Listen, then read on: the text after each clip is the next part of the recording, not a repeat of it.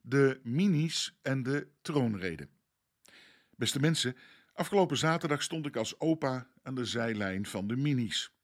De kleinste voetballertjes trainen op hun speelse manier op de zaterdagochtend. En het was open dag, waardoor zowat alle jongetjes en meisjes uit het dorp waar onze kinderen wonen present waren. Aan de hekken hingen kleurrijke ballonnen, er was koffie voor de bezoekers en Ranja met een surprise voor de kinderen. Ik was gevraagd die ochtend bij onze kleinzoon te zijn, opdat zijn oudere broertje voor het eerst uit moest spelen. En mijn schoondochter, die normaal langs de lijn staat, moest rijden met de kinderen. Langs de lijn staan en die mini-talenten bezig te zien, was in het heerlijke najaarszonnetje absoluut geen straf. Ik zag soms ouders en grootouders zelf ook even een balletje meetrappen op het veld. Kom maar eens om in de grote stadions. Heerlijk dus. Bij de minis gaat het vooral om het plezier in het spel. Doelpunten worden nog wel met yes of gejuich begroet, maar vooral ook door de opa's en ouders die langs de kant staan. Maar ze worden nog niet geteld op het scorebord. Het gaat om het spelplezier. De lijnen van het speelveld worden nog niet duidelijk getrokken en scherp bewaakt.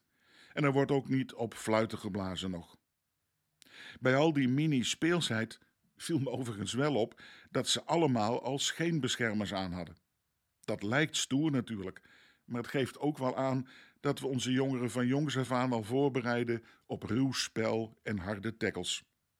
Tegelijkertijd zag ik aan de andere kant dat ze ook echt al oog voor elkaar hadden. Zoals bij dat ene vriendje die de ander gewoon even tijdens het spel hielp zijn veters te strikken. Zo kan het dus ook. Anders was het toen onze andere kleinzoon terugkwam van die zware uitwedstrijd. Met twee punten verschil opa verloren, biechtte hij teleurgesteld en met onnodige schaamte op. We waren echt beter hoor, en ja, ik heb gescoord. Maar ja.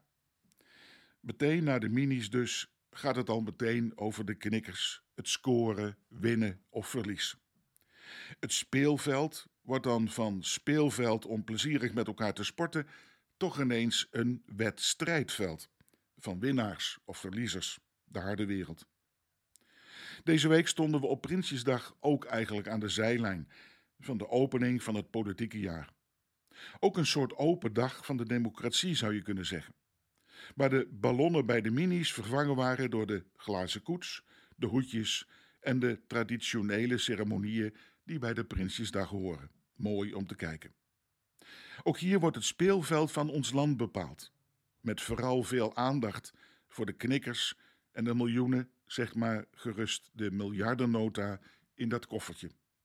Zeker nu ook met het oog op de komende verkiezingen wordt er natuurlijk uitgebreid gesproken door alle partijen over hun kijk op het speelveld van ons land. Natuurlijk is daarbij ook van belang hoe het geld verdiend en verdeeld wordt. Je kunt elke euro die eerst verdiend moet worden toch ook maar één keer uitgeven.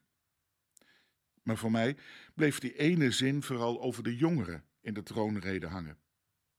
Daar hoorden we, we zien dat jongeren steeds vaker te kampen hebben met mentale problemen, zoals somberheid en eenzaamheid. Je hoopt en bidt dan dat ons speelveld van de samenleving misschien ook iets mag leren van de minis.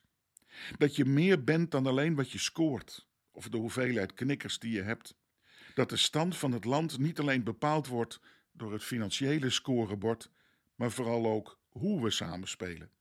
Waarbij iedereen mag meedoen en ook af en toe elkaars veters leren strikken.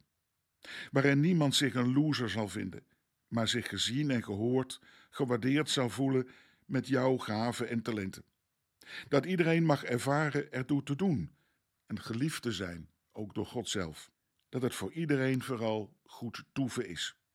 Dat het speelveld van de samenleving bepaald ook mag worden door zaken als vertrouwen, aandacht en waardering voor elkaar.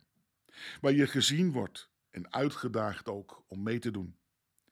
Vanuit de basisopdracht vanuit het Evangelie: om God lief te hebben en de naaste als jezelf.